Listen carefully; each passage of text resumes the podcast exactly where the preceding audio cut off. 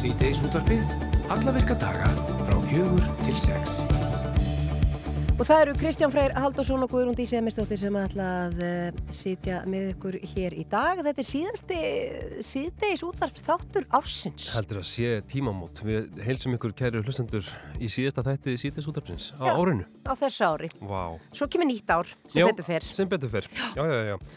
En uh, um sérhver áramót hafa svo óhöfulega orðið slis og óhöpp hjá okkur sem að kjósum að handleika flugelda og ímisönnur veisluföng líka en fórum ekki nægilega gætilega í leiðinni. Góð vísa er aldrei óátt kveðin og við ætlum að fá þá Hjaltam á Björnsson, bráðalækni og Jóhann Ragnar Guðmusson, auglækni til okkar og svona farið við það helsta sem við ættum að forðast yfir næstu daga. Já, og við erum mörg uh, sem að þekkjum jólastressið og almennt aukið álag á þessu síðustu dögum ársins. Uh, Einn er sá hópur sem er undir miklu álagi undir áramótin og það eru höfundar og leikstjórar eins vinslasta sjóhansendis hvers ás.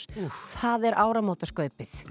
Og við ætlum að fá til okkar leikstjóra skaupsins í ár í heimsók, þá Fannar Sveinsson og Bendit Valsson og sjá hvort að þeir séu enn og nálum. Já, þetta er hérna einhvern veginn og hún talar um, maður er að stressa sig fram að jólum, Já, já. svo svona einhvern veginn, nema maður væri leikar í þjóðleikúsinu og maður kannski stressaði þetta á annan í jólum. það, við erum örgulega mörg sem eru undir álægi. Það má ekki hérna, gera lítið úr því. Nei, Og en, það er ímislegt á ímsum toga. já, en þeir eru undir mikilli pressu, Já, það eru allir að fara að horfa á afræsturinn.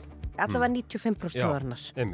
En við tölum hérna áðan um sko óhöpp og, og, og slíkt og það er náttúrulega líka blessu dýrun okkar. Þau geta verið orðið ofsarhætt við flugölda og hámaða frá þeim og ábyrð þeirra sem skjótu upp flugöldum er mikil. Það valdi ekki nálega um dýrum ótta og angist og dýraeigundur þurfa að gæta þess að dýrin fari ekki, uh, ekki sjálfum sér öðrum að voða. Ótti við skyndilega háan hljóð, uh, hái fjöldagjælendir og ekki síður rossa. En við ætlum að heyra í Theodoru Róbestóttur dýrahjókunarfræðingi á eftir og, fá hjá henni kannski góð ráð um þetta allt saman. Og svo eins og uh, svo ofta áður, þegar mikið stendur til, Jú. uh, þá sláum við á þráðin til ákveðina mannesku hérna í síðdegistunbunu til Mm. þess að keira upp stemninguna og svona bara almennt fá góð ráð og það er hún Toppa Marinus. Já, Og við ætlum að spyrja hana bara einfallega núna hvað ætlar hún að hafa í matur og gamlás og svo kannski fá nokkur ráð hjá hann hvernig við getum gert allt sem var miklu meira lekker. já, hún er með þetta alltaf hreinu. Já, Hún er eitthvað á ferðarlega eða ekki og vonandi heyrum við í henni en á vættis. já, Óttunartími sundlega Reykjavíkur er skertu nú yfir hátíðarnar og hafa fasta gestir, vestubæðilegar, mótmælti harlega að sundlega borgarina skuli standa meira og minna lokar á hátíðstöðum þetta árið. Mm, Þetta voru til þess að mikið markmenn hefur skellt sér í sund á annan í jólum og, og því að vart verandi í lauginni. Uh, nú hafa borist fréttir að því að fyrir huga sé að stitta áttunartíma alla sundlega Reykjavík frá og með 1. apríl næstkomandi í hagraðinga skinni og margir hafa látið í ljós óvanniðu sína vegna þessa máls og nú gengur undirskriftalista á milli til að mótmæla þessum áformum borgarinnar. Eitt þeirra sem er ósáttur er Ólafur Egilson, leikstjóri og hann ætla að setjast niður hjá okkur eftir skammastund. Já, og eins og við vorum að gera í gær, Kristján, þá erum við svolítið svona að rifja upp uh, lög sem að voru uh, skemmtileg og, og ábyrrandi á árnu. Við erum svona að gera upp árið, svolítið Já. svona í og með. Já, jú, jú, það, Mhm. það er bara einhvern veginn fylgir þessu Það og á meðan hann Óli er að koma sér fyrir hérna hjá okkur þá ætlum við að heyri kusk og óvita og uh, þetta lag heiti Loka augunum og Kristján, þú ert voðar hefina þessu. Ég mjög. Já, þá skulum heyra þetta og svo komum við hérna til smásend. Ég loka augunum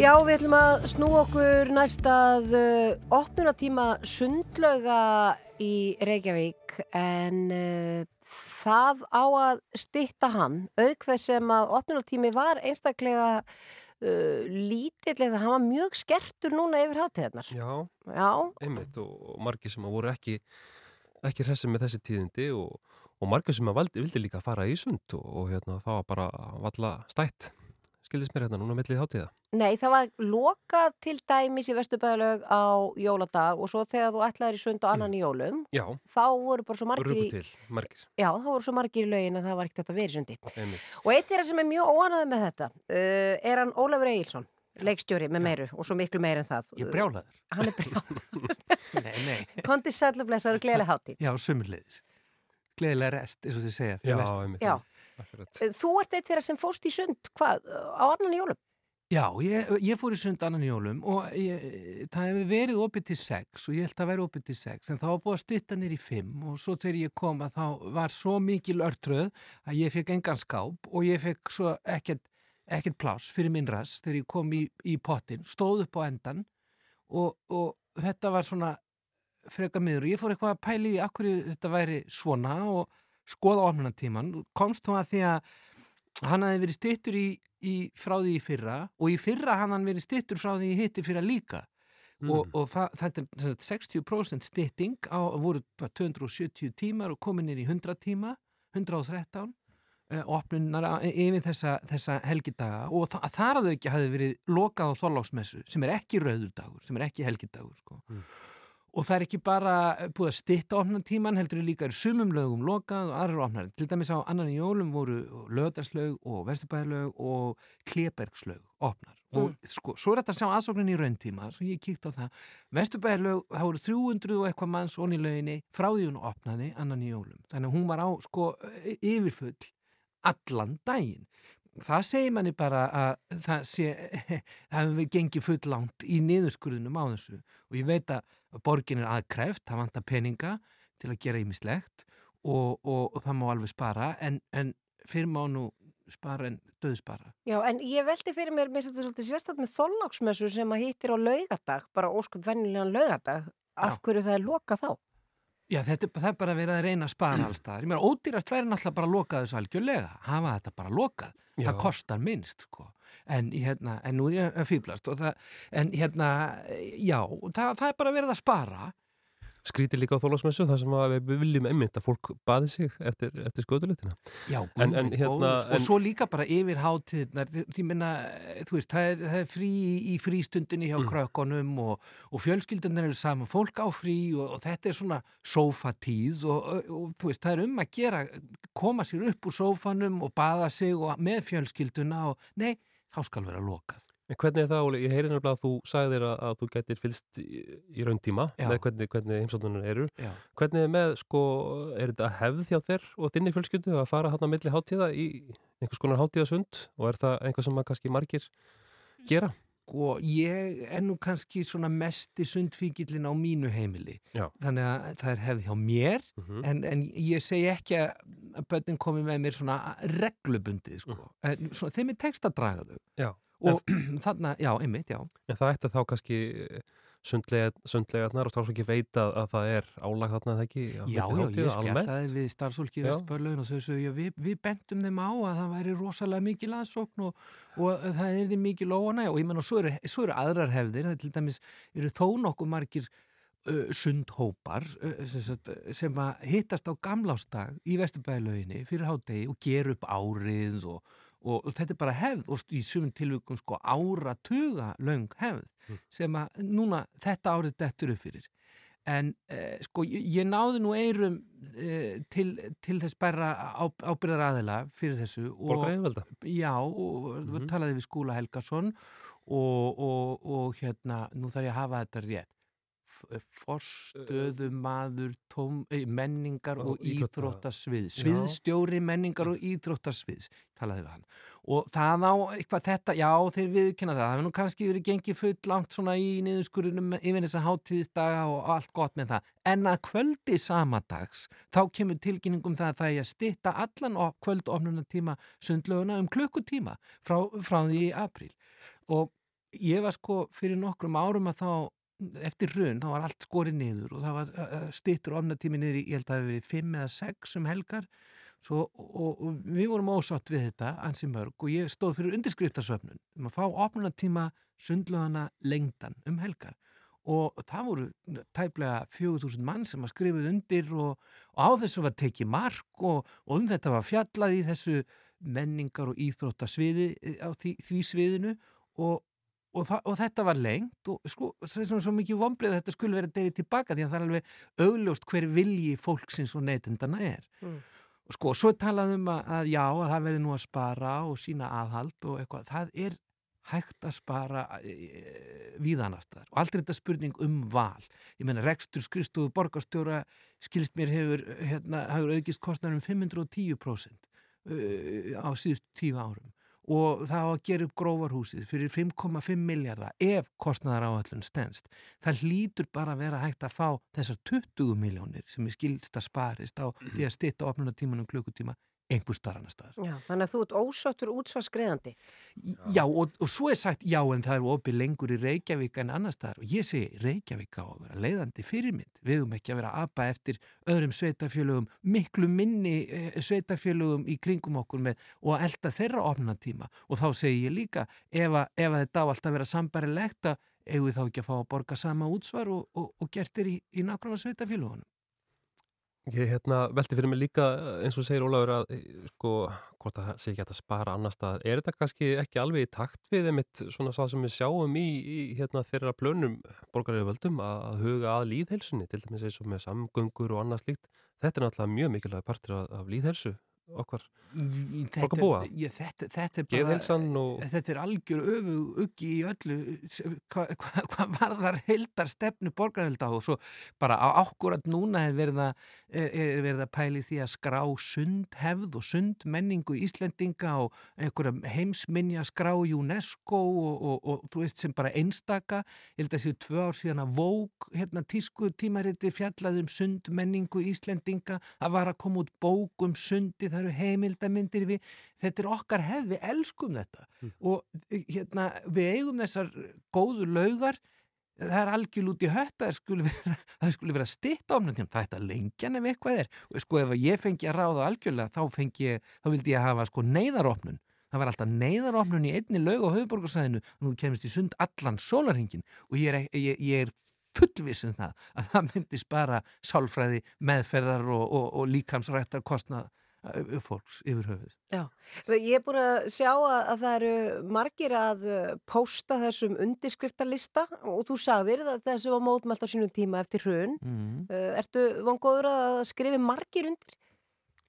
Já, já, ég er vongóður um að skrifi margir undir en ég er líka bara vongóður um að, að, að borgaryfir vel taki mark á íbúunum. Ég meina, það, það er svona frasi sem að þessi borgarstjórn hefur uh, haft á lofti, sko, meiri þjónusta, þú veist, ekki þjónusta kerfisins fyrir kerfið. Þetta, við vitum öll að það, það er ekki endalust til að peningum, en þetta er spurning um val og þarna er bara hreinlega ekki rétt valið og ég hef fulla trú hvað sem skrifa margir undir á borgaryfirveld muni áttar sig á þeirri skissu og lagfærana. Uh, Ólafur Egilson, bara takk kærlega. Bjart sínis maður. Já, Bjartsinni Smaður, takk fyrir komuna til okkar í, í síðdegisútabið og við sjáum hvernig þetta fer og við segjum bara gleðilegt nýtt ár. Já, gleðilegt nýtt ár.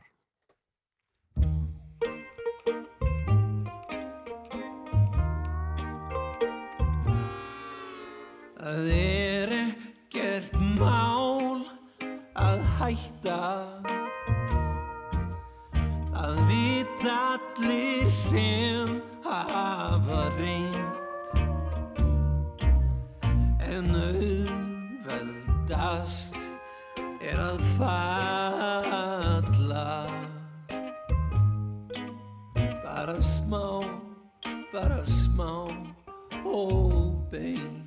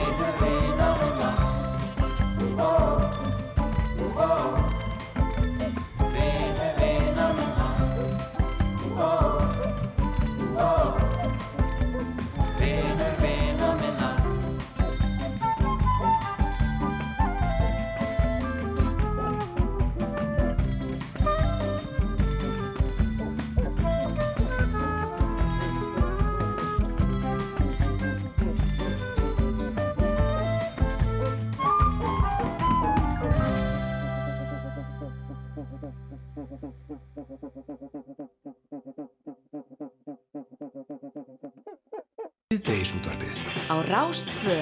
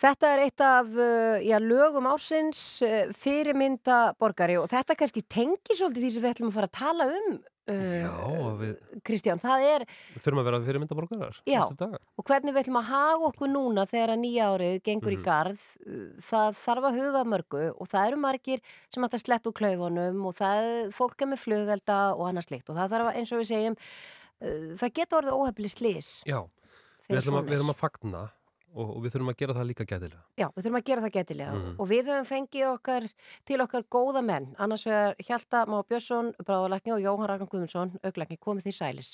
Sæl. Halló.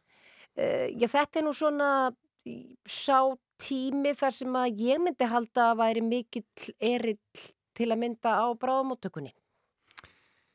Já, því miður er að þannig að alltaf þegar fólk eig- notar meira af áfengi þá er bara hluti af notendum áfengis og annara vímuefna sem enda á bráðamáttökunni. Allir eins líkri neyslu fylgir einhver slis og áramótin eru því miður daldi stór álagspunktur í því. Uh, varðandi flugöldana, ég heyrði því fleik fram að við myndum hvað, voru þetta 400 tonn af flugöldum sem við kaupum Íslandingar eða hvort var það bara það sem að slísáttanfélagin Ansberg var að selja. Ég er ekki Já, klára, þetta, allavega, þetta eru 100 tonna sem við erum að skjóta upp. Uh, Jóhann, uh, þú ert auglæknir, skaðin sem getur hlotist af svona, já, af flugöldum. Þú hlýtur að hafa séð, séða svart. Já, það sé allt spektrumið, allt frá því að það sé væg brunasár yfir í það að augun hreinlega rofni, springi og, og eðilegist. E, á síðastlegin árum hafa, hefur fólk byrjað að nota hlýðagleru og þannig að það og þessar auglýsingar og, og öll, þessi umræðu um að nota hlýðagleru hefur svo sannarlega haft áhrif. Við höfum ekki haft mikið af alvarlegum augslísum síðastlegin ár sem betur fer. Mm Þannig að þau virka. þau virka og mikil samfélagslega ábyrð fólk er mjög vakandi um þetta og, og hérna passar upp á börnin eða reynir að passa upp á börnin sem er náttúrulega mjög mikilvægt að mun eftir að uh, þessi slís hafa komið upp, er þetta alltaf að sama toga, uh, sko, uh, ég held að þú talar um náttúrulega um, um áfengisneislu og slíkt og, og það náttúrulega kannski fer ekki vel saman með, með að skjóta upp flugöldum og slíku. Er þetta alltaf sama, að við erum, fólk er að bágra yfir flugöldum og kveikja og er ekki með gleru Er, það, er þetta bara að mikið til gallaða vörur sem við erum að kaupa? Já, Hjalti kíktu nú á þetta. Já, ég gerði úttækt á þessu með honum bitni Vilhelm Ólarsinni læknanema sem við byrtum fyrir ári síðan og þar kom í ljós að það eru um 20 á hverju ári sem að koma á bráðamáttöku landsbytulans út af flugvelda áverkum og það er svona um það byrð þriðjungur af þeim slísum þar sem að fólki rakti þetta til galla í flugveldunum sjálfum. Þannig að eh, það er svolítið erfitt að segja nákvæmlega að það var ekki vel skráð í hversu mörgum tilveikum fólk hafði haft áfengi um hönd en það er eitthvað bæði um það að fólk notaði þetta ekki rétt en síðan þrátt fyrir rétta notkun gerast slisin líka þegar flugveldurinn er bara hinnlega gallaður. Mm Og eru, menna, sjáu þið það að því að af þessum tilfellum eins og við erum að tala um hérna, að því að núna er síðan komin miklu meiri túrismi hinga, kunnu við Íslandingar að uh, umgangast uh, flugelda eða uh, eru þetta jafnvel túristefni sem eru að slasast þá líka? Við höfum ekki skráð það sérstaklega og ég held að nú almennt sé nú þjóðin skynsum og með við það sturlaða magna flugveldum sem við skjótum upp að það séu þó ekki nema 20 sem að slasi sig bendi nú til þess að yfingnefandi meiri hluti sé að gera þetta nokkuð skynsalega. Mm. En við hefum ekki gleyma því að við erum að fást við sko stórkostlegt öflug sprengiefni þannig að það þarf að umgangast þetta með mikilvæg varúð. Mm. Þið eruð vantarlega báðir á vaktum áramótin, viljið vantarlega ekki sjá nokkur mann koma til ykkar að það verði engin slist, það hýttur að vera draumurinn. Já, við erum í þeim sérkennlega geira, við viljum helst ekki fá neina viðskiptavinni til okkar, við viljum að fólk uh, hafi, fari varlega og þurfi helst ekki að koma til okkar, en já, ef að til þess kemur þá erum við á vaktinu tilbúinir að hjálpa þeim sem þurfa.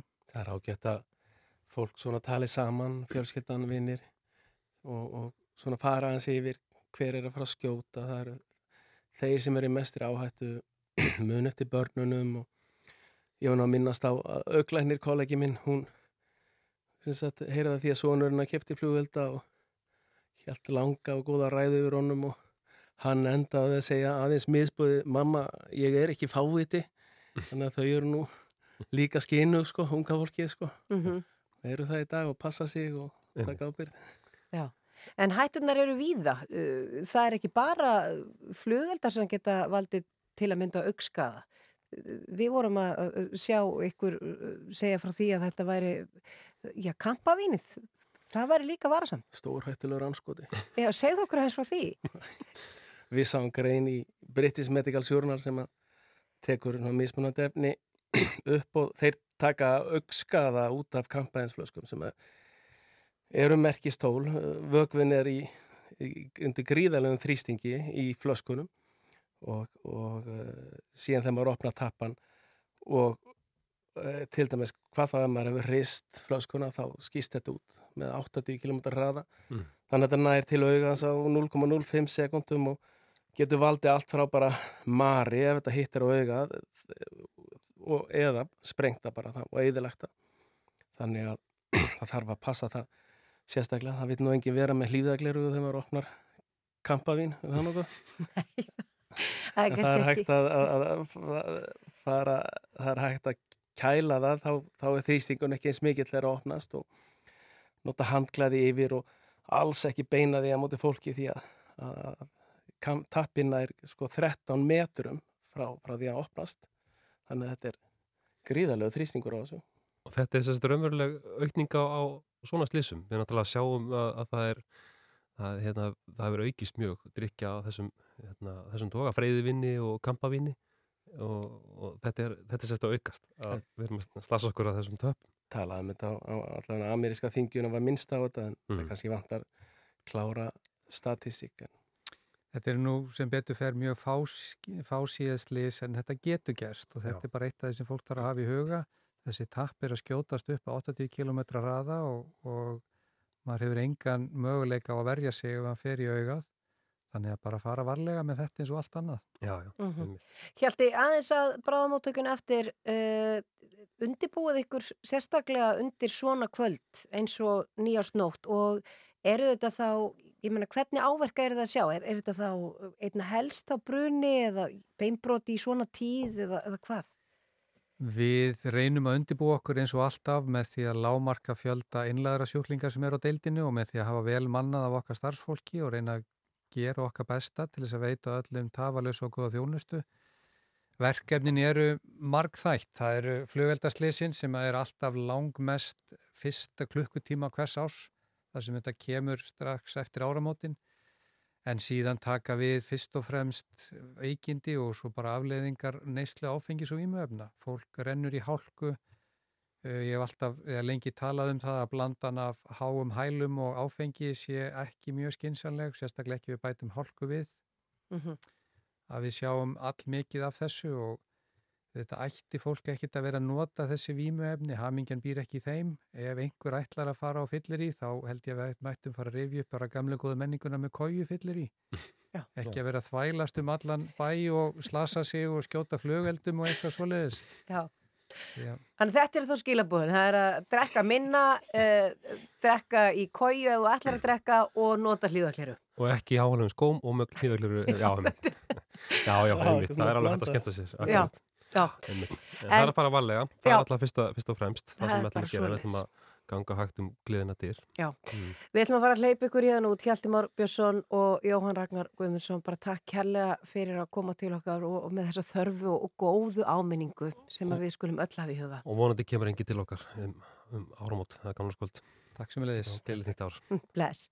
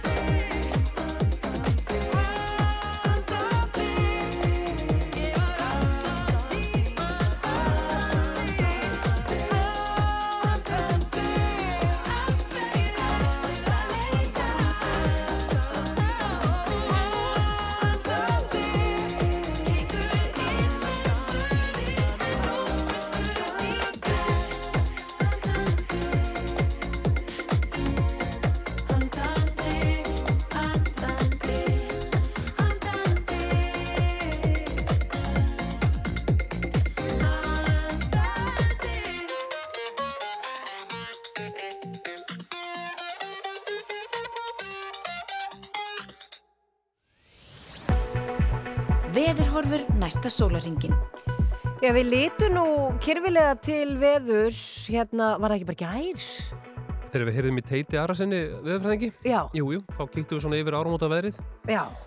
Þannig að Og við það- fórum nokkuð vel yfir þetta, en næ, eins og við tölum um, aldrei er góð vísa of oft kveðin. Jú, jú. Þannig að hvernig eru horfurnar, Kristján minn? Sko, það er hæg austlægaða breytilega átt og skýjað með köplum. En Stöku jél við, norðan, uh, við norður og austuströndina. Frost 1-17 stig, kaldast í innsveitum Norðalands.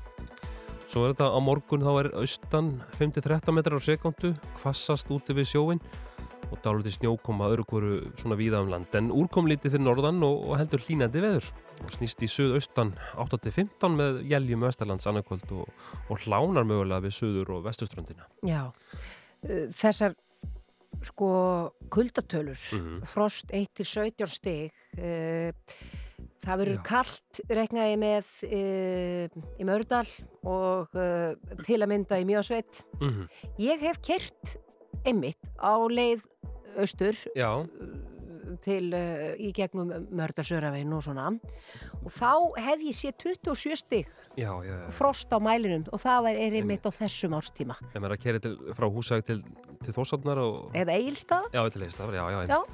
Það er, en þú veist, það er opaslega fallegt veður og ofta svona stilla og, en kallt. Einmitt. En maður þarf að klæða sig vel greinlega og eins og, og ef við kíkja eins og staðaspána það er 60 að frost í Reykjavík núna Mm verður klukkan 6 í dag uh, uh, 7 stig í Bólingavík 10 stig að frost á Akureyri og á Eilstöðum og 2 stig að frost á Kirkjubæðaklaustri Til að bjart, samt sem aður, eða svona, já, það er að segja. Það er nú dimmt núna en... Já, en, en já, já, já, ekki skýja Akkurat. En þetta saði teitur í gær og mér heyrist nú bara í fréttum í dag að það væri nú bara frekar, frekar svona rólandi sveðu framönda og Já. ætti að vera bara gott skikni fyrir, fyrir gamla skuld en við náttúrulega bara ítrykkun það sem að þeir læknandir Jóhann og, og Hjalti töluðin rétt áðan um að fara nú gætilega fara gætilega í, í, í guðaveigar og, og líka flugölda og annað slíkt. Ég held að veit ekki að því. Mhm. Uh, að því við erum að hýta eins upp fyrir uh, gamla árs og ég svo nýjársdagu líka. Mm -hmm. Mörgum þykir það nú heldur rólegu dagur, Já, bara notalegt. notalegu dagur. Klára bókina sem að byrja og Já, svo erum við að fá til okkar hérna á eftir að fá við til okkar uh, góða menn. Já. Að fá til okkar uh, leikstjóra skaupsins í ár.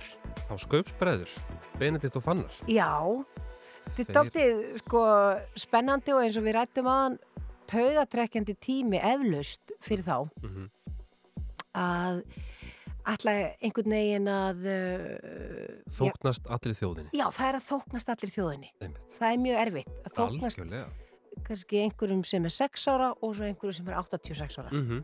Nei, þetta er ekki öfundsvert hlutverk og svo er líka bara mikið búið að vera í gangi þannig að það þarf eflust að vera að breyta skaupin alltaf Já, ég held að þau hljótið hafa þurft að stökkva til núna bara í desember þegar að fóru að gjósa Grindavík og allt svona, sko. Þannig að það er... þá bæti eitthvað aðeins við Já, já, einmitt. Já. Þannig að fólk þarf að halda sig svona, já, hafa sig hæg. Svo ætlum við líka að fjallum það á eftir hvað við getum gert til þess að gæla dýranum okkar og dýranum líði betur þegar við erum að skjóta upp flugöldum Mm og uh, svo ætlum við aðeins að pæla í uh, já, svona áramáta matnum.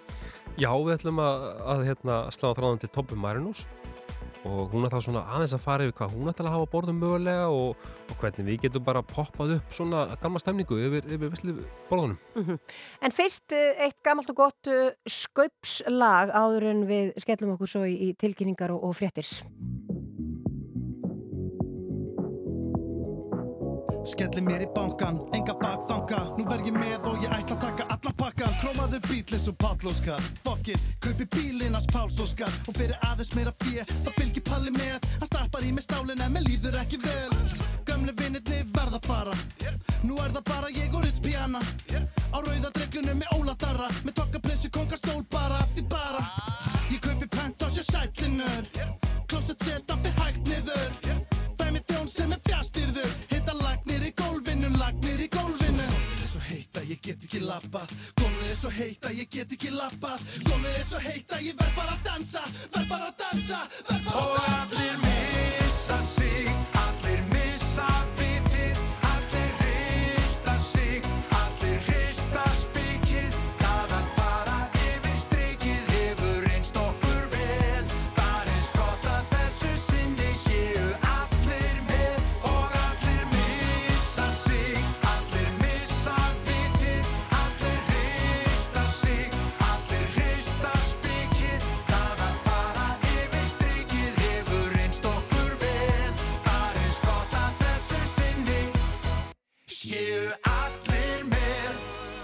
Aðeins fleiri millur í lána mói Múta dónin til að segra voice Býðum frú Ísland með á hessbak Ég fer á pakkas, hún á bekka Fyrir tífóli í Þalsberg Nenni gett svo ég ringi í Randver. Og við erum bara að hangsa. Kílu tækið, vinna bangsa. Oh, Finnst ég ekki nógu sætur? Ég er með oflangar hendur og bætur Svo ég leggst undir hnífin og fer í aðgerð. Alla verið og blanda. Af bara klappa. En ljósin eru kveikt þar ég bara klappa. En ljósin fara fullt verð ég bara dansa. Verð bara að dansa, verð bara að dansa. Og allir missa sig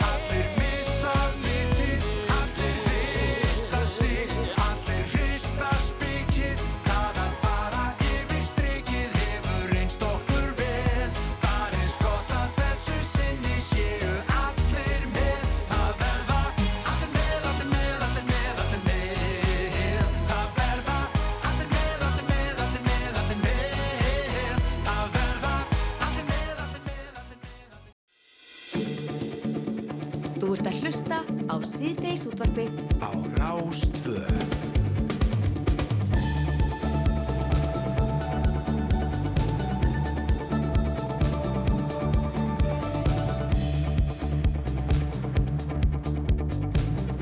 Og þá höldum við áfram í síðdeis útvarpinu og uh, nú eru gaman.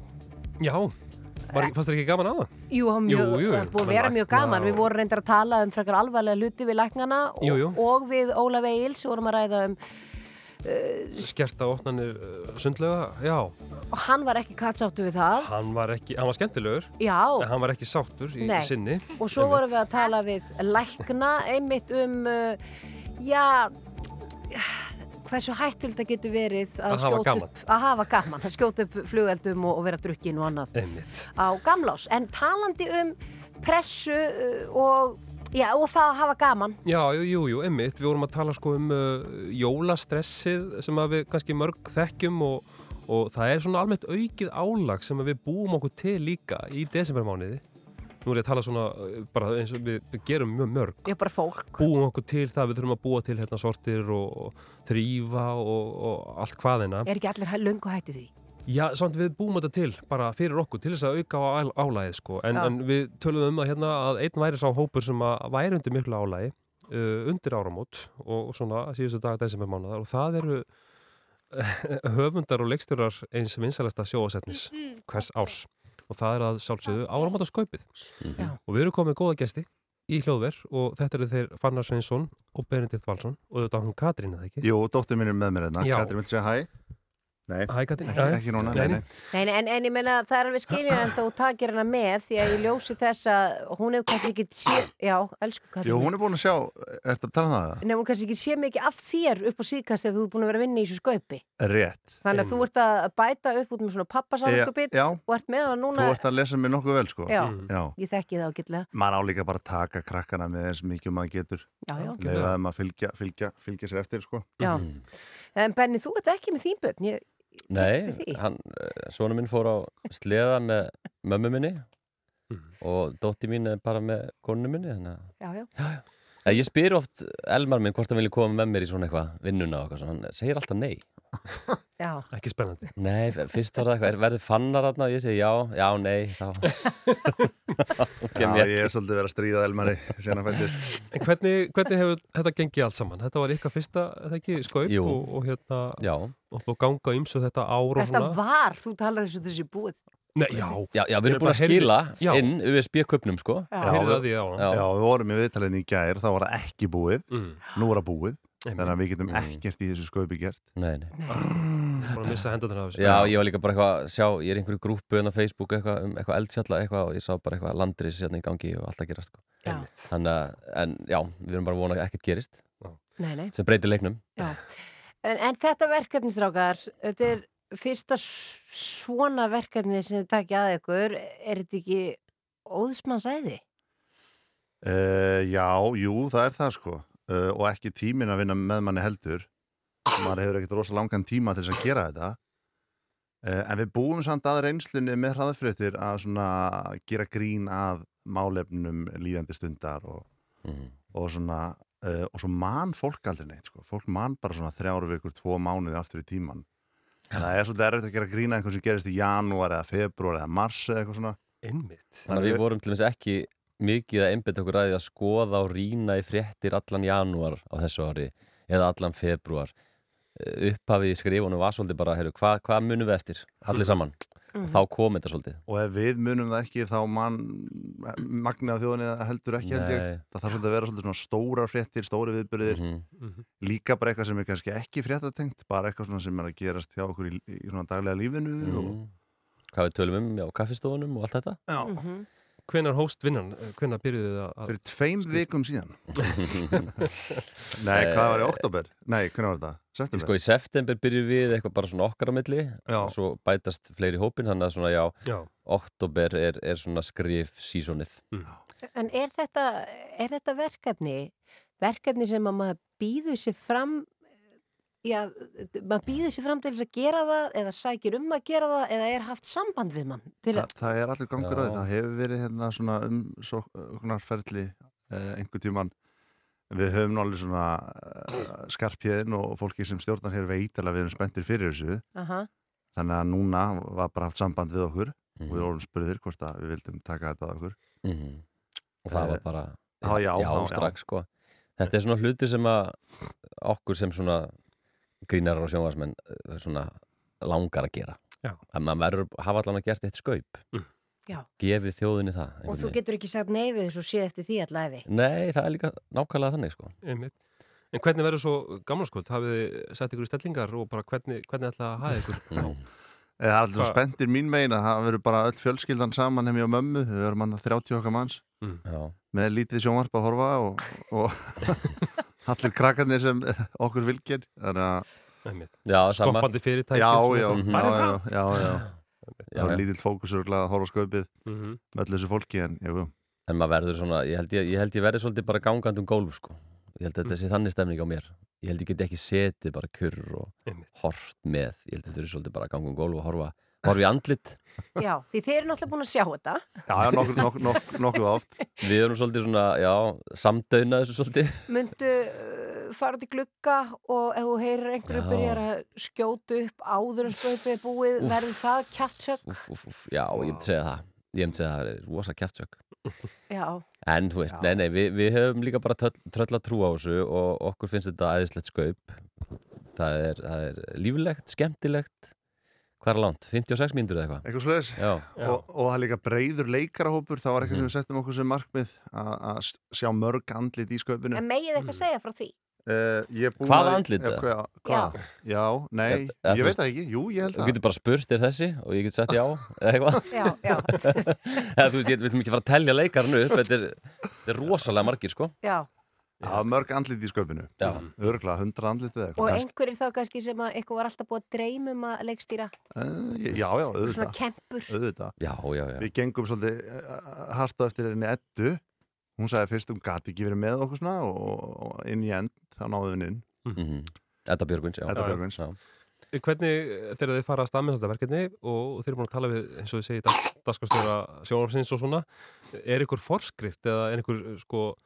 er er er eitthvað svona uppskrift að skaupinu sem að þið verðið að, að klæða að, eins og það á að vera lokalag og það er Já. þetta x mörg prósent af pólitík, eða eitthvað, eitthvað slíkt. Nei, það er enga reglur.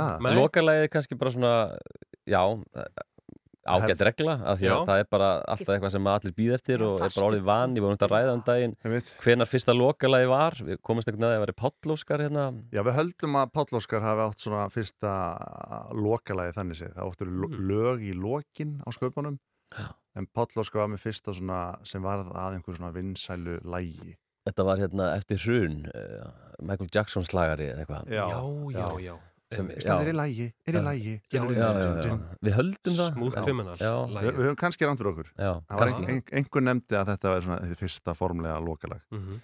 En, en, en svo bara í grunninn held ég að þetta ætti líka bara að vera svolítið uh, góð blanda af alls konar gríni og jú, það verður að vera einhver pólitík Mhm. og, og, og við, okkur tókst vil til þar held ég gerum það skemmtilega Já, já. Mm -hmm. uh, og, og svo líka bara svona mannleg málefni og, og fréttir, já Þetta er skemmtilegt, ég vil hlökkum alltaf að sjálfsögðu til Já, ég er mjög spennt fyrir lokalægin líka. Já, já. Mér finnst það alltaf svona, þá gýrast ég öll upp. Ég byrju hver áttur með lokalega, ég er búin að glemma En var það ekki, var það í fyrra sem að var, eða var það í fyrra eða hitti fyrra? Þið, það er alltaf tíminn Jú, jú. Já, já. flýgur. Mhm. Það sem var gerð svona, það var gerð könnun. Það var í fyrra. Það var í fyrra. Það var Bríett og Páll Já, Óskar og Tiltu. sniðugt. Já, það var flott. Aron Kahn, já. Já. Það Og skaupið fyrra var rosalega gott. Það var það. Já, sem setur smá pressu líka á okkur.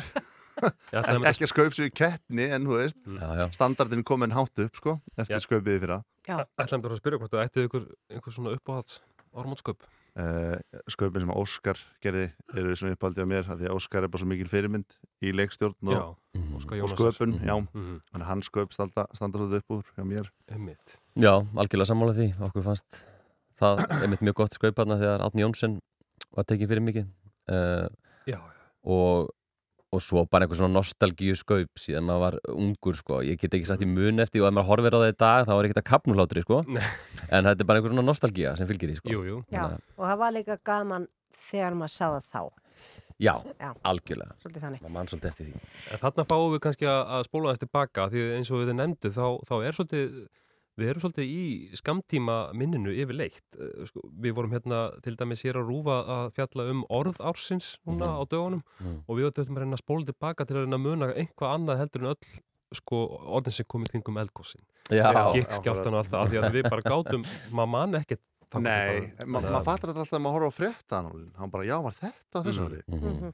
maður er svo fljótur að gleyma, sko Þannig að voruð þið einhvað í sam, sambandi við frétta, fréttafólk hérna á, á rúf eða Nei, bara en að góða við rúf sko, þetta er, þetta er svolítið skemmtileg félagsmiðstöð og maður getur dottið í kaffibotla með alls konar fólki Já. og þá fæ maður svolítið líka bara svona inspiration bara hvað er verið að tala um og, og, og það var mjög gott að hafa það sko Já, já. Mhm. Skaupið, uh, það eru bara tveir sólarekar í þetta. Klukkan, Já, hvað er það? já, það? ef að tekka á því eða? Í það er alltaf búið 22, klukkan hálf 20. tvö, er það ekki? Hálf tólf. Nei, hálf tólf, hálf tvö. Og gleðist það seint Þá er þetta meira svona búið hjá mér. Já, já, já, já, já En ætla að hugsa til okkar svona, Já. þegar lokalagið er búið Þið getið ímyndað ykkur, þið eru fyrstu menninni sem ég sendi skilabóð. Mátt ringja, ringdu bara Já. Vídeosýndali okkur Ég er er að taka svona meðverðnis hérna lappið, sko, bara. Er það ekki? Já, já, já. Ég er pínu stressuð fyrir ykkur hönd, en, en ég, þetta verður bara gaman. Já, við erum alltaf mjög, mjög ánæðið með sköpið Já. Stráka mín, ég var að horfa á þetta æðisast hjá okkur Gunna alveg Bennum hannar, Perunni. uh, við lökkum öll til þjóðin og við erum öll, já við erum líka bara held í þakklátt fyrir að þið skildu að tekið þetta að ykkur, af því að uh, það þarf einhver að gera það og þið gerðu þetta. já, Mhm. já, Já. og við erum ánæðir, mjög ánæðir þetta var mjög gaman. Það er gott. Frábært. Ég ætla að fara að hleypa Katrín í þann út uh, og ég er sem að spila, uh, Hún er með COVID eða ekki? Hún er búin Hún að er hósta hérna á já mig hann er búin að hósta svolítið á okkur. Hárveik stelpan, elsku ég er stelpan með þátt í þetta á morgun, allilega, heyrðu, þarna Páll Óskar og Ísland er í lægi. Já, spilum það Ég held að þetta sé þetta lag, er það er þetta 2007? en það stemdi 2009. Já. En það er örgulega því að þetta verið sett í kerfi þá þannig að þetta er Já. örgulega árslög 2008 skiljið, þetta er eftir hrun. Já, já, þetta er bara hruns árið. Einmitt. þannig að Takk fyrir að koma, strákar, Benni, Benedikt Valsson, Fannar Sveinsson og Katrín. Takk fyrir að koma og gleðilegt skaup og gleðilegt nýtt ár. Takk. Sem leiðis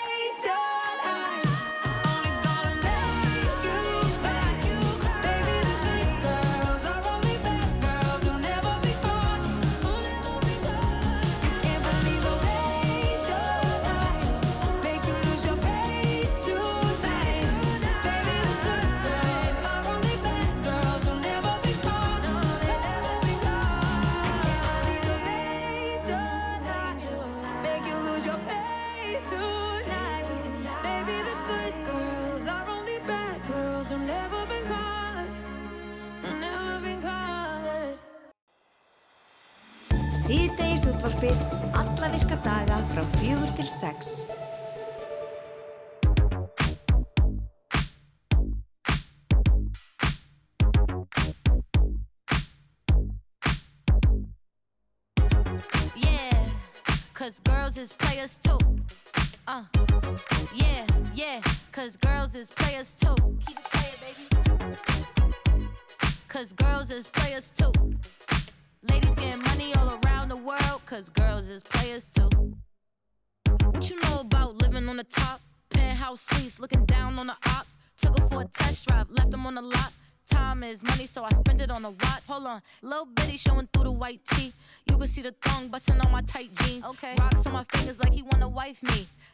Shorty, she ain't nothing like me. Yeah, about to catch another fight. Yeah, the apple bottom make him wanna bite. Yeah, I just wanna have a good night.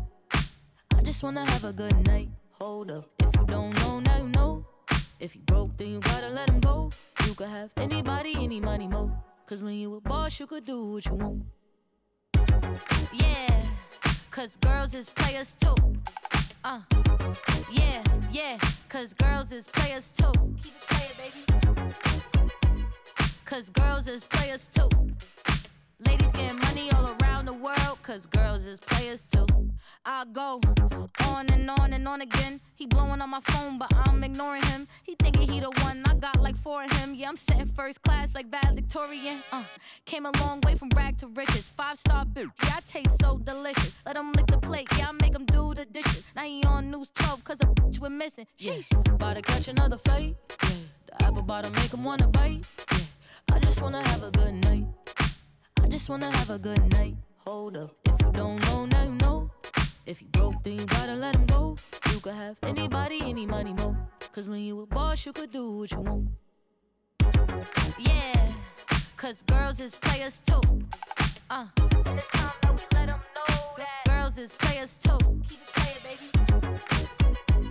Cause girls is players too. Ladies getting money all around the world, cause girls is players too. Þarna heyrðum við uh, Koi Lirei með lagi Players og þetta er nú lag sem kom út sko í blá enda 2022 Gunnardís, en, en þetta var hins vegar að plötu sem kom út á árunu og er tímanlöst eitt af bara lögum ársins. Jáhá, Hmm. Já þetta allavega hljómaði þetta ár, Já. náði svo litlum part af 2022. Margi þekkja grunnstefið í laginu það er frá sko Grandmaster Flash sem kom út 82 sko lag frá þeim. Var þetta ekki einhverju bíómynd? The Message. Jú, öruglega, þetta er svona þekkt, þekkt hérna, hip-hop stef sem margi þekkja. Uh, um erum það. Búin að einbytta okkur mjög mikið af þessum, uh, já bara tímamótunum sem framöndan eru sem eru áramótin og uh, fjalla um eitt og annað uh, því tengt. Og núna næst ætlum við aðeins að huga að gæludýrum og því að fólk þarf að hafa það í huga þegar það er að skjóta upp flugöldum, þessum, hvað varum við að tala um, 400 tónnum af flugöldum Já. Að það getur vakið mikið nótt á angist uh, gæludýra og bara dýra almennt, hrossa og, og svona í sveitum líka og hvað þurfa dýraeigandur að hafa í huga til þess að uh, ég hjálpa dýrum sínum í gegnum þetta. Við erum komin í samband við hana Theodor Róbersdóttur, hún er dýrahjúkunarfræðingur, kontur sæl og blessu Theodora. Já, komið sæl. Ég segð þú okkur, er eitthvað hægt að gera til þess að já, auðvelda uh, þessum litlu uh, ferfætlingum lífið uh, um áramótin? Já, kannski svona fyrsta, kannski svona þess að hafa í huga að auðvitað er þetta allt einstaklingar sem bregðast misjátt við. Það er ekki öll dýr sætt en, hérna, en það er stóru hluti þeirra sættur. Þannig, að, hérna, þannig að það er svona kannski gott fyrir okkur eigundur að vera svolítið meðvituð um það að, hérna, að það sé við sem að slökum svolítið vel á. Þannig að hérna, þessi dýr eru auðvitað óbúslega færi að spekla okkur og, hérna, og finna náttúrulega allar e, þær breytingar sem að við upplöfum líka og ótta. Þannig að hérna, það er svona kannski fyrsta sem að ég myndi ráðleikja væri svolítið bara svona, hvað, hvað segja, kannski draga djúft andan og, hérna, og reyna að halda bara hlutunum í sem mestri rútínu. Þannig Þannig að, að, hérna- þannig að það, maður á svona reyna að, já eins og þú segir, þau speikla mann, maður á að að hafa heimilislífi bara frekar rólegt og Já. ekki gýra allt einhvern veginn upp. Nei, það er svolítið kannski svona fyrsta ráð sem að maður, hvað segja, við erum svo óbúslega snögg að grípa alltaf strax inn í, sko, og við erum alltaf áætla allt, hérna, en kannski svona fyrsta skref fyrir bara svona, já, fyrir bara alla, já, fyrir alla hunda, katta og hestægjandur er svolítið bara slaka fyrst og fremst sjálf á. Svo er það auðvitað það, við þurfum auðvitað alltaf hvort sem að við erum með hunda eða ketti eða hesta sem eru sættir eða þá ekki sættir, er náttúrulega aðurinn en bara að tryggja öryggi. Þannig að hérna, hætturnar geta náttúrulega leynst við það og slísin gera náttúrulega yfirleitt ekki bóða undan sér. Já. Þannig að hérna, Að því við vorum að tala um slísa á mannfólki áðan fyrir þættinum. Uh, eru mörg dæmi þess, veistu til þess, að, að dýr séu reynlega að slasast sökum flugelda og, og svo framvegis? sko það er kannski ekkit endilega hátíðinni slís á dýrunum sjálfum en það sem að við erum að sjá er það að það er hátíðinni eh, af því að dýr eru að týnast eða þau sleppa út eða þau, hvað sé ég, það opnar ykkur hurðina þannig að hérna, við erum alveg að sjá hátíðinni þar. Þannig að hérna, það er helst að þeir júki til út og, hérna, og fara þá í felur og einhvern ofsótt yfir að vera allt í norðin einu úti í þessum háfaða. Já. Var það ekki einmitt í fyrra sem að við heyrðum bara sögu af hundi sem að hljóp einmitt bara lengst upp í fjall, bara var ekki fyrir vestan eitthvað staðar, það sem að fannst bara mörgum dögum síðar. Ég. Jú, það eru heldur bara, já, það er bara ár hvert, þetta eru svona mismögg tilfelli, mér skilst að í fyrra hafði verið eitthvað í kringum 30 tilfelli. Um, þannig að þetta er svona, hvað sé ég, þannig að svona fyrst og fremst er svolítið bara einmitt að halda ró um, og í rauninni setja lása á hurðar og hérna, eða gera einhvers staðar þannig að, hérna, að það sé ekki auðvelt eða aðgengi út. Auðvitað er þetta náttúrulega tími þar sem við fögnum oft í hópusleis, þannig að, hérna, þannig að það er svona, hvað ég, það er oft mikið ráp inn og út og allir að kíkja út og sleis. Þannig að í slíkum, hvað segja, í slíkum áramóta bóðum er auðvitað rosa gott að setja hlið eða einhver, hvað segja, einhver staðar svona ákveðið bíaplan hérna í að hindra það að þau komist út dýrin. En, en varandi hávaðan og svona, á maður að loka klukkum, jafnvel hafa þau einhver staðar inn í herbergi þar sem einhver er með þeim, uh, er hægt að uh, dempa hávaðan með því að setja eitthvað yfir eirun á þeim, Það hvað, hvað, hvað gerir fólk? Já, sko fyrir þau dýr sem eru sætt, þá eru þetta alltaf gott að loka gluggum að þetta er ekkit bara kvettirni sjálfi sem að þau verða smeyk við. Auðvitað er þetta náttúrulega líka blossar mikið lykt og þau eru náttúrulega mjög lykt næmis í dýr.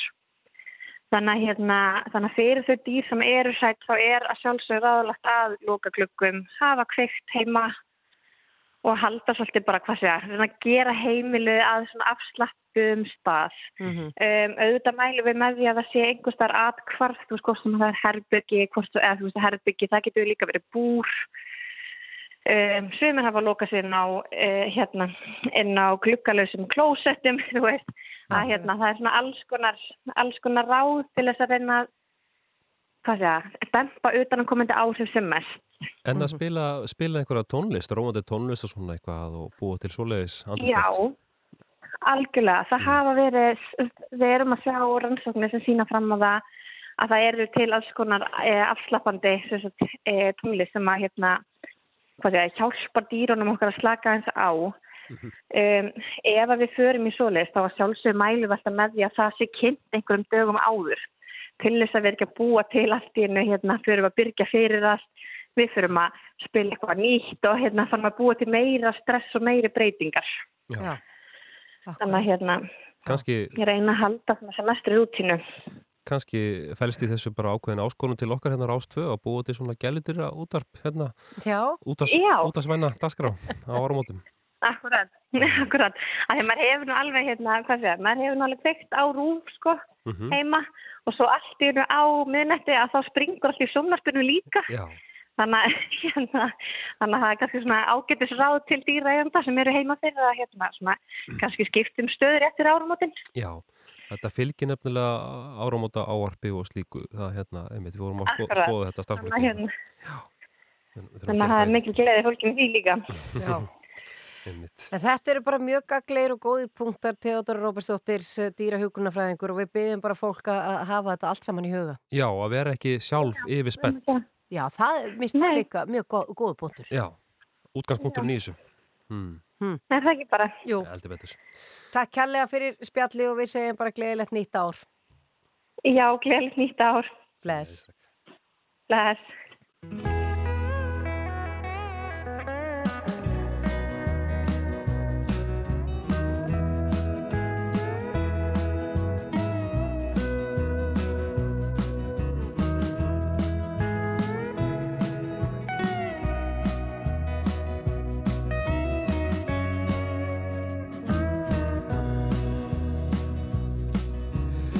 Your coat, put on your shoes, let's go.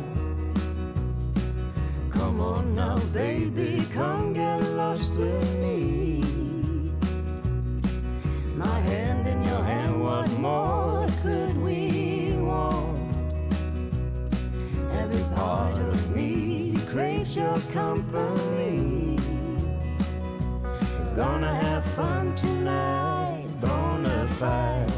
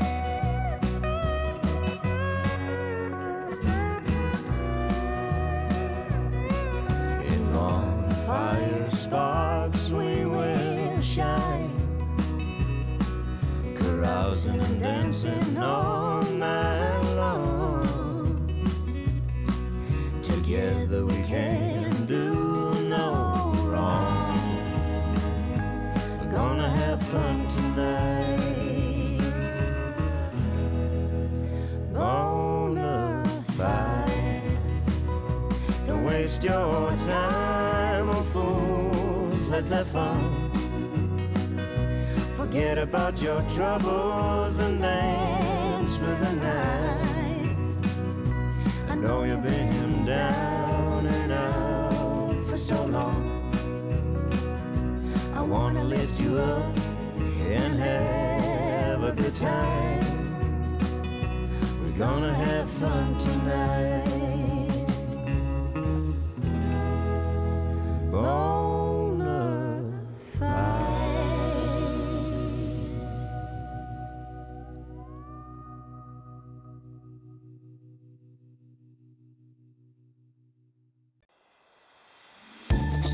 útvarpið allavirka daga frá fjögur til sex. Er mig að dreyma eða heyri ég hjartlátt eða er ég að fá þig eða erum við til í einhvern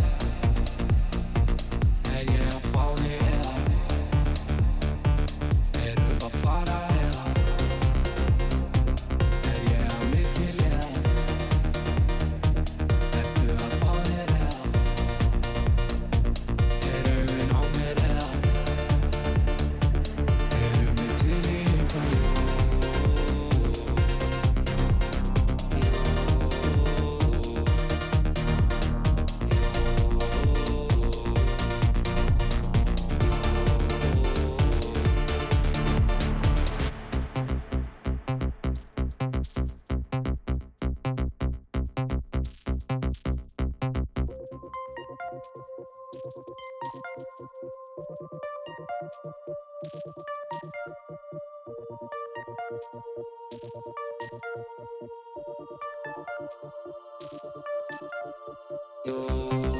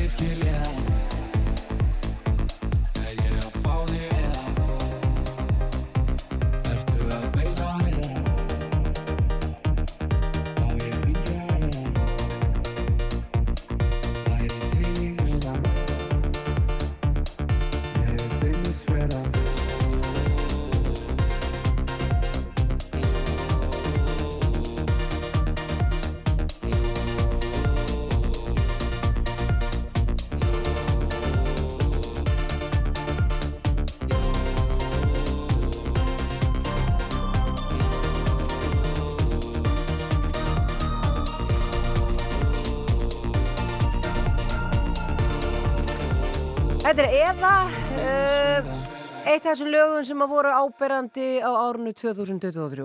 Já, Gus Gus gáð nýja plötu og þarna voru þeir þau komin á samt Byrni rapparunum hérna, með lagið Eða. Eitt af lögum ársins. Já, en það komið að því við, uh, já alltaf, ekki alltaf, en oft þegar mikið sendur til, eins og til dæmis þegar það er Eurovision eða eitthvað svona áleika í gangi, Mhm. þá verðum við að heyri einni mannsku til þess að svona keira okkur í gang fyrir uh, þennan stóra uh, viðburð. Já, hvað ætlum við að hafa veisluföng og hvernig ætlum við að hafa okkur Já, og hvað er smart og hvað er ekki smart og, og, og jafnvel hvað er holdt og hvað er ekki holdt og svo Mhm. framvegis. Þetta vitum við ekki, Guðrún. Nei, við erum Við erum alveg smekklaus með öllu. Þannig að Við kannski vitum eitthvað um þetta en við erum með manneskalínu sem er miklu betri í en við og það er hún toppamærin og okkar sem að uh, svona leiðir bæði okkur og hlustendur okkar í allan sannleikan um það uh, hvernig fólk á að haga sér og, og, og, og hvað á að borða og annað á, á, við svona tímamót Mhm. og nú er náttúrulega áramót Jú. Sæl toppa mín Jú, komið sæl. Sko, en þið vita ég er náttúrulega alltaf að hamra á þessari hotlistu og sem selleri saf og detox og allt það. En einu sinni á ári á gamluskvöld, þá hugsaum ekki um það. Þú veist, við erum, erum ekki að reyna alveg börnin okkar eða komin nýjum siðum eða besta útgafan af okkur á gamluskvöld. Það gerum við síðar.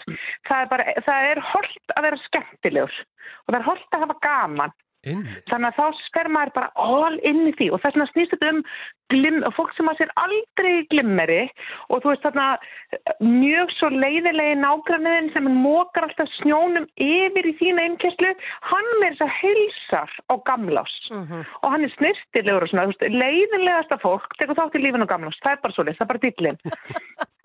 En að því sagðu, þá er maður svolítið að bjóða heim og bara venjulegt fólk, þetta, er sko, þetta snýst ekki bara um matur og drikkin, heldur venjulegt fólk, þú veist, þú ert alltaf bara með 15 manns í mat, hver á mataborð sem rúmar það. Og þá fer maður einhvern veginn í það, veist, ég er ekki að fara að kaupa ykkur framleggingu fyrir 150.000 eða eitthvað annað borð sem er ekki sömu stærð, þannig ég er búin að vera master þetta núna þegar við verðum 12. Númer eitt er sko aðtú út í garði, garðborði, er það mögulega einshátt og þá nefnilega duðar ekki taka þeim á gamlu svo ertu að stinga þeim í skúri eða einhver annars þar því að þeir eru garðborðið þannig að kemur alltaf vatn inn í þau agalega leðilegt að langa maður renni í garðvatninu sem lekur undan garðborðinu og höfukupubrjóti sig á gamlás af því að þú settir ekki borðið upp á röndin í bílskúr. Akkurat. þannig að byrja því hvernig ætlar að framlengja borðið? Aha. um, er það í garði? Eða ekki þá kaupa búka eða fá lánaðan búka búkar eru sem sagt svona þrýstandandi lappir sem að svona fólk eins og ég og Gunnadís veitum hvað er að þau erum alltaf framkvæmdum notum þetta til að saga og gera og græja. En svo er til sko búkar af því að þetta verður jafn hátt, þú getur ekki látið þetta einhvern veginn svona halla niður og setja niðursetningan á endan, þá sem eru svona minnst skemmtilegri fjölskyldina, þeir séu endan á borðinu sem halla niður og rauðkálu all legur þangað, gengur ekki. Þannig að það er að kaupa búka sem er að stilla í hæð. Ég snið, kostar ekki mikið. Halló IKEA, sænska stórvöldið. Akkurat. Og, og, og hvað setur maður óna búkana? Annarkort kaupir maður bara eitthvað ódýra plötu, en svo er mikið tekið að bara kippa hurð kipa hurð af hjörunum og á búkana að því gefn hún sé ekki með einhver rosalega útflúruðu, útskortnu eitthvað því þá náttúrulega bara koma hólur hún í það. Já, þannig að Ok, þetta, og getur þetta, verið, getur þetta verið bara krakkaborðið til dæmis? Já, en sko, eh, gaman ef þetta er langborð, en já, krakkaborði getur klárlega verið bara klóseturinn, uh að það er allt svo free flow á gamlás og það er að loka. Ættu þú að taka daga af? Það var bara hengi, er húðina af. Hurðinni, ég ætla að... Húnin, húnin, ekki húðina, húnin. Já, húnin, húnin, ég, Jú, jú, já, ég hef hú- húðin á mér Já. og ég tek hú, já, það er svo gaman að, já, já. Já, já, bara Já, svo ég- ég veit, já, ég, ég, halt- Ekki nema- ég er að glósa niður. Haldt áfram, Já. toppa mín, já, já. Það, já, það er nú komið borðið og þá var næsta mál. Ok, og þá eru diskar og glös og allt það. Í gamla dag þurfti alltaf að vera nákvæmlega eins. Skiptir ekki svo miklu í máli. Almáli þetta sé sama lit og þú átt kannski ekki marga dúka sem þú getur sett á mörg borð. Þá þá maður annarkost að nota rúmfött sem hann er drull um sem er að koma blettir í eða tegilög sem bara tegja stundir, hvað er bara ódýrt tegilag. Smertu því yfir og það lokast skilur undir og almáli bara eins serjetur, allstart glös og diskar þurfi ekki að vera eins. Af því að þú veist, þið hafið heilt lægið, við erum öll eins, þú veist, þetta skiptir ekki máli, aukaðri. smetla þessu á en það sem er óþólandi fyrir gott fólk er að vera stanslust að setja í vél. Þess vegna annarkort ferðu í sýsta grinnið og kaupir svona pínuleitla merkimilega meða hvíta eða brúna eða nærðir í hérna kaupir júkalyptus og nærði fallegan gullpenna og skrifar nafni á fólki setur svo gatara og hengir þetta með litlum borða á glös.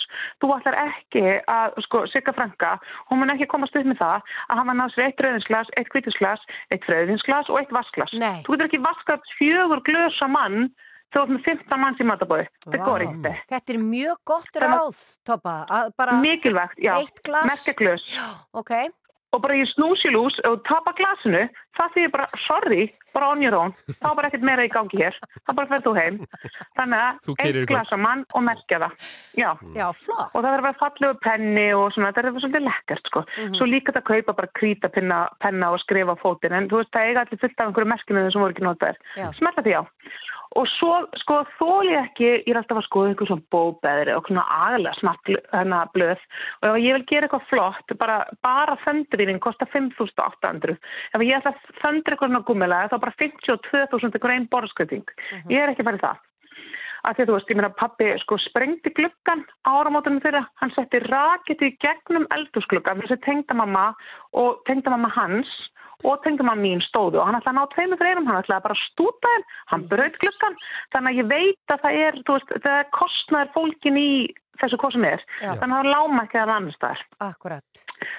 Þannig að um, það er mikilvægt að, að hugsa þetta út í þetta, að þú veist, dýrt er ekki alltaf best. Að Ef þú ætlar með grand gesture, ef maður gefur eitt ráð, þá er það þetta, að finna stóra skál, fylla hana með vatni, ef þú nota soðið vatn, þá verður það að tæra það, fylla hana með vatni, nota svo bara að klippa þess vegna hálf döðum normanninum inn í, inn í stofu, jólatrinnu, klippa nokkar greinur á honum, rósablöð, glimmer, eitthvað fínir í. Og svo aðra skál og ný, gaffateip, allir gaffateip til að loka yfir. Og, þarna, og hendur þessu út í garð. Þetta þýðir að þú losar innviskálna og ytri að þá ertu komið klakaskál. Þú ert að reyna að búa til skál úr bara vatni wow. sem er klaki, sem er þá full af greni, það með að vera jarðabjörn, má vera glimmer, þurrku blóm, bara whatever, það sem ykkur þetta er í hug, setja það onni og þetta er æðislega fallegt, þú eru bara að passa að vera með stálbakka eða eitthvað undir, æðislega fallegt að setja sér á borðið og annarkvort vera með þá kampaðisflöskun á miðnættu onni þessu, eða ískúlur til eftirrættin, að þetta er bara klaki, eða vera með þetta út í garði og vera með sótavatn og kampavín onni þessu á miðnætti. Þetta má líka nota til þess að gera rosa fallegt að fara með á, á gamlás í kirkjugarinn og setja kerti og í svona íslöktir og fara með á leiðin. Og það eru miljón myndbund á netinu og googlar bara do it yourself hérna ice bucket. Og þetta bara kostar ekki neitt, þetta kostar bara time and effort, mm. tíma og hérna, fyrirhöfn. En ótrúlega fallegt og skemmtilegt. Og hversu gaman er að fá, þú veist, þótt að sé bara einhver basic vanilu ískóla sem búið setja kannski eitthvað hæslinættur og súklaða kona á, upp úr vass klakaskál sem er full, full af glimmer og blómum. Það er flott, það er mjög smart. Þetta er mjög smart og þetta er svona að þú getur bara að gefa okkur eitt ráð fyrir utan þetta með glösin sem var algjörlega stórkurslegt að þá er það Já. þetta. Já, og síðast en ekki síst, þetta er langt kvöld og það eiga allir eina frængu eða frænda sem er döð fyrir skaup. Og það er ástæða fyrir að við segjum döð fyrir skaup af því að þetta er bara landlægt vandamál. Já. Fólk er að leggja sér fyrir skaup og vakna kannski ekki aftur. Já. Þannig að, ok, þú ert með eitthvað rosa flotta mat og fólk er að koma og það er kannski klukkutími tveir í matin. Vera með eitthvað nasl á borðinu og endilega bara ber og grammit og ítifu, ekki alltaf bara eitthvað ógisla óhald snakk og súkulæði. Mhm. Þess vegna bara fullt að næs dúlleri og ítifu. Þegar fólk kemur, svo er maturinn og svo líður bara hansi langur tími fram á skaup og það er langt kvöld að fólk þarf eiginlega að fá að borða aftur. Já. Þannig að alveg sama hvort það kaupir bara frosnar minipítsur í bónus eða ert með, alveg sama hvað það er, bara vera með eitthvað svona nartir í og ég mun, veit ekki hvort þið muni eftir gömlu hvað ostabombunni sem var jómastur og alls konar drass sem maður svona hnullaði saman og gerði kúlu. Jú. Já. Það, já, nú er bara að uppgreita hana, nýjasta nýtt, heyrða fyrst hér. Mm. Tekur þau ostabombuna sem í gamla dag er bara, er jómastur og gáta og eitthvað dót svona og svolítið geimt í kæli í plastfilmu að í staðan rúlla henni upp úr valnötum þá rúlar núna úr granat eplakjörnum og það er svona, svona djúsfræ viðbjóðslega gott. Og þetta ertu með bara með einhverju keksi og eitthvað og ertu svona einhvern veginn að móka þessu upp í þig. En sorry, þetta er bara guffen spísin allt kvöldið, það Já. þarf að vera helst eitthvað á borðum allt kvöldið. Að þegar fólk er kannski að mæta hvað, 5 eða 6 og fara kannski heim í fyrsta lagi klukkan 1 af því að þá búið að sprengja upp. Já, já. þá er einhvern veginn ekki gott að vera bara Bensínlaus. búin að vera að fá Já, já. sér. Já, það þarf að vera svolítið og aldrei gleyma því að það þurfa allir að taka steinefni. Bara allir yfir átunar þurfa að taka bara annarkost freyðutöflu eða steineflatöflu eða eitthvað því annars er bara hausverkur og þreita og annað á morgun. Mm. þurfum bara að taka inn steinefni hvort það er magnísíum eða synga eitthvað dót. Taka inn steinefni að því við gleymum vatninu og alltaf að vera með sótavatn á borðinu, falleri könnu einhverju smart klökum og eitthvað og bara móka því í liðið. Og ef að tengd og byrður um annan ekkert endilega segja henni að sé ekki gen í tóningnu Nei. bara setja sóta á eitthvað með vökva þetta stanslöst sko. Það verður allir svo þakkir mín daginn eftir en já, akkurat, eins og segir, steinefni fyrir alla samkvæmt og drekkað ekki bara út því að þú þarft að- fá, uh, stu, Já, að því, þú gleymir að drekka vatn. og já, nei, ég meina krakka þið fá bara harlífi þið takk ekki inn steinefni og glemma að drekka vatn. Já, já. það vil enginn byrja árið á harlífi það er bara Já, það er við vitum betur Það er rétt. Toppa, þetta voru stórkostli ráð, þetta er allt sem við þurftum að vita fyrir gamlás, við erum mjög svo þakklátt og uh, ég vissum að það er margir á leiðinni núna bæði með uh, þarna, borðið inn í skúr til Ég er þess búin að skrifa þetta hjá mér allt saman Já. og ostapompan Já. sko, með, með granadeplarfræðunum, þetta er einmitt- granadepla, þetta er já. Það eru er- fallið líka Já. Já. Þetta er hugurett. Er, ég, Takk ég segi bara gleð nýtt ára og góðar hægðir. Gott að heyri ykkur. Sömuleiðis, glemt ár. Já, bless, bless. Já, maður kemur ekki af... Uh, af Tómu konan tómum kofanum. ég, sko, ég held að þetta væri svona einhver uppfærð voga ítífa sem er að bjóða okkur upp á Nei, salstangir aldrei. aldrei. Aldrei. En gott hérna talaði mitt um að, að fara í eitthvað smá svona nart fyrirskaupið og svona. Já, það er endur að því að sko, svo líka, það þarf ekki að vera út í að fólk hefur eitthvað verið að fá sér og mikið eitthvað, en það bara kemur alveg fyrir að fólk er sopnað þegar kemur að skaupinu. Já, já, það getur bara einmitt verið út af kjötsuma eða út af þreytu eða hverju sem er, að þá borgar sér bara að vera búin að vera nastlað eins og. Vá. Ha, Við er erum búin að fá langur svo tími. mörg heillaráð núna, Gunnandís yfir þessa hérna, síðustu tvo tíma hérna Já. og hérna, við veitum hvernig við ætlum að hafa okkur núna Já, en síðan við þakkar samfélgin á árinu, við verðum hérna hress eh, á sama tíma bara á næsta ári, þetta er á þriðdægin, annan janúar, Í það annan mætum við aftur. Akkurat, takk fyrir samfélgina og gleðilegt nýtt ár